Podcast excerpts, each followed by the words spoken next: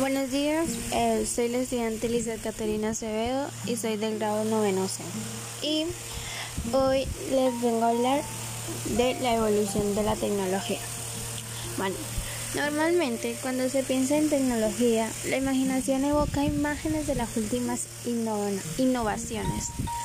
Teléfonos inteligentes, impresoras 3D o visores de realidad virtual. Sin embargo, los objetos más domésticos y cotidianos también son productos tecnológicos. Los libros, la ropa que vestimos o los bolígrafos no han estado siempre ahí. Surgieron a raíz de un descubrimiento o de una invención en un momento determinado de la historia. Los seres vivos evolucionamos de la tecnología. También lo ha hecho durante todo este tiempo.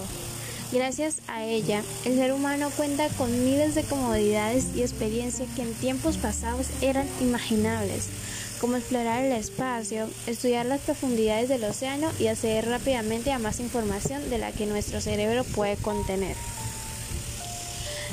Estas son algunas áreas de interés de la investigación científica en las que la tecnología ha evolucionado biomedicina, eh, biotecnología, tecnologías de la información y de la comunicación, materiales, procesos y productos químicos, diseño y producción industrial y recursos y tecnología agroalimentaria. Todo esto se refiere a las transformaciones técnicas y a las implicaciones económicas y sociales de la llamada tercera revolución industrial desde la segunda mitad del siglo XX en adelante. El comienzo de la tecnología surge con el descubrimiento del filo de una piedra para cortar, así de sencillo.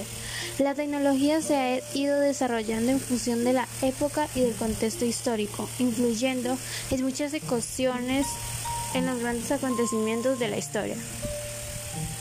Durante la mayor parte de la historia de la humanidad, el ritmo de dichas innovaciones fue lento.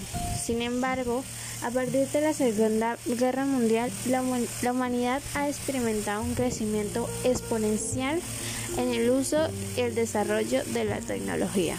Muchas gracias.